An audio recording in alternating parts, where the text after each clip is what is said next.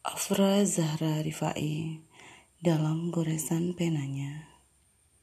Rintik hati. Ketahuilah hatiku pilu ketika kau menjauh. Berlalu pergi seraya membisu. Seolah tak punya arti tak ada kasih tanpa pamrih pergi.